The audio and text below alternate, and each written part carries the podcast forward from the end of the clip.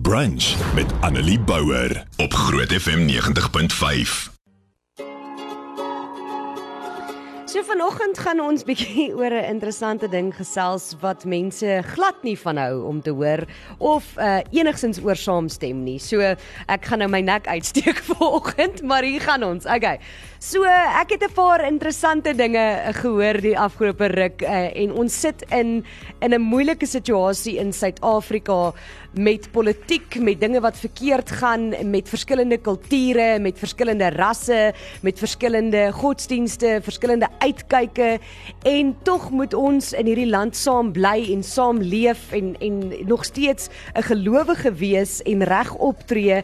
En ek dink baie keer dink ons as Suid-Afrikaners, dis 'n unieke situasie. Daar was nog nooit voorheen so iets nie. Ons is 'n land met 11 tale. Jy kry dit nie ander plekke in die wêreld nie.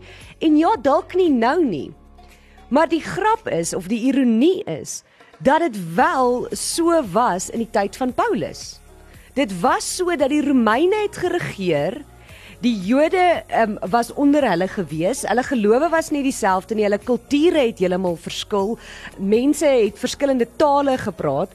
En dit is iets wat ons partykeer vergeet. Die die ironie is dat ons as Suid-Afrikaners altyd kan terugdraai na die Bybel toe om vir ons te wys wat die regte ding is om te doen, hoe om situasies te hanteer, want dit is asof dit vir ons geskryf is. Natuurlik is dit vir almal ook geskryf en vir ons geskryf, maar jy verstaan wat ek bedoel.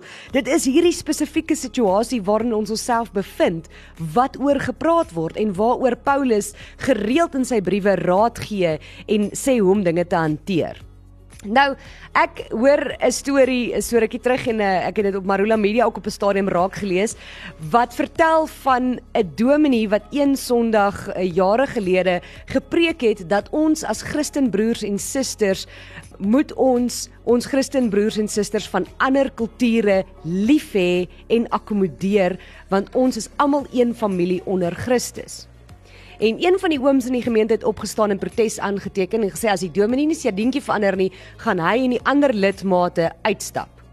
En dis iets wat baie en veral in die Afrikaanse kultuur baie gebeur. As die dominees of die pastoor uh, iets sê waarvan ek nie hou nie, of as daar iets in die kerk gebeur waarmee ek nie saamstem nie, dan is ek baie vinnig op my perdjie en wil ek opspring en dan wil ek uitloop. En dit is nie die manier om dinge te hanteer nie. Nou die dominee was baie ongemaklik oor die hele situasie klaarblyklik en ek verstaan dit, maar hy het op sy tande gebyt en aangehou preek. Op die ou einde, nou onthou hierdie is nou die 80's gewees, so jy kan nou net dink, maar op die ou einde het meer as die helfte van die gemeente opgestaan en uitgestap want die dominee het politiek gepraat. Hoe durf hy politiek in die kerk praat?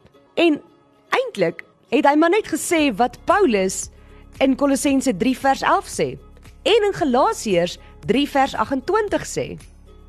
Hy het uit die Bybel uitgepraat.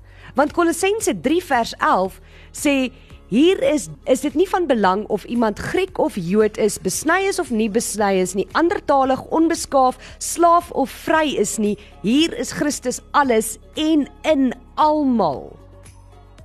En dan sê Galasiërs 3 vers 28 Dit maak nie saak of iemand Jood of Griek, slaaf of vry, man of vrou is nie, in Christus Jesus is julle almal een. So Paulus herhaal homself in hierdie situasies want dit is waarmee die gemeente op daardie stadium gesukkel het, soos in die situasie waar ons is. Jesus praat oor politiek. Jesus sê in Johannes 19 vers 11: U sou geen gesag oor my gehad het as dit nie van bo aan u gegee was nie. Hy praat hierso met Pontius Pilatus en dan sê hy: "Daarom het hy wat my aan u uitgelewer het, groter skuld." Wat beteken as ons glo dat die Bybel sê dat die Here ons leiers die gesag gee? Ja, ons stem vir mense en ons stem vir politieke partye en presidente en wat ook al.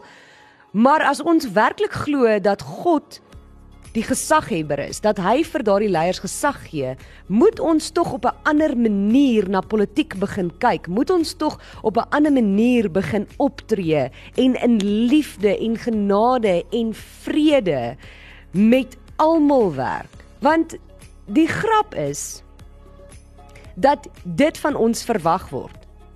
Suid-Afrika het 'n dapper kerk nodig. Suid-Afrika het dapper gelowiges nodig.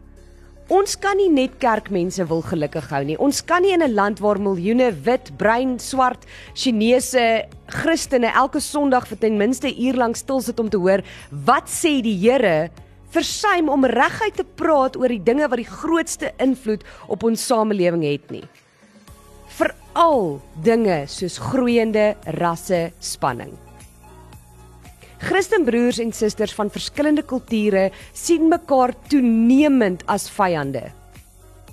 Dit kan nie so wees nie. Paulus het gesê dit maak nie saak of jy 'n Griek of 'n Jood is en in ons geval kan jy sê wit, swart, bruin, wat ook al is nie. Dit gaan nie oor ander tale nie. Dit gaan nie oor of jy besny is of nie besny is nie. Jesus is in almal.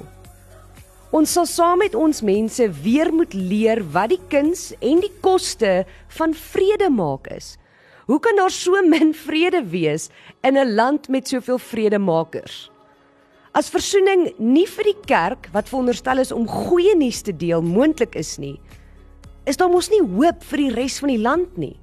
As ons as gelowiges nie versoening, liefde, vrede en genade aan ander kan bewys nie, hoe verwag ons gaan dinge in ons land verander? Die laaste ding wat ons nodig het, is dat kerke en Christene meer en meer soos kultuurverenigings word.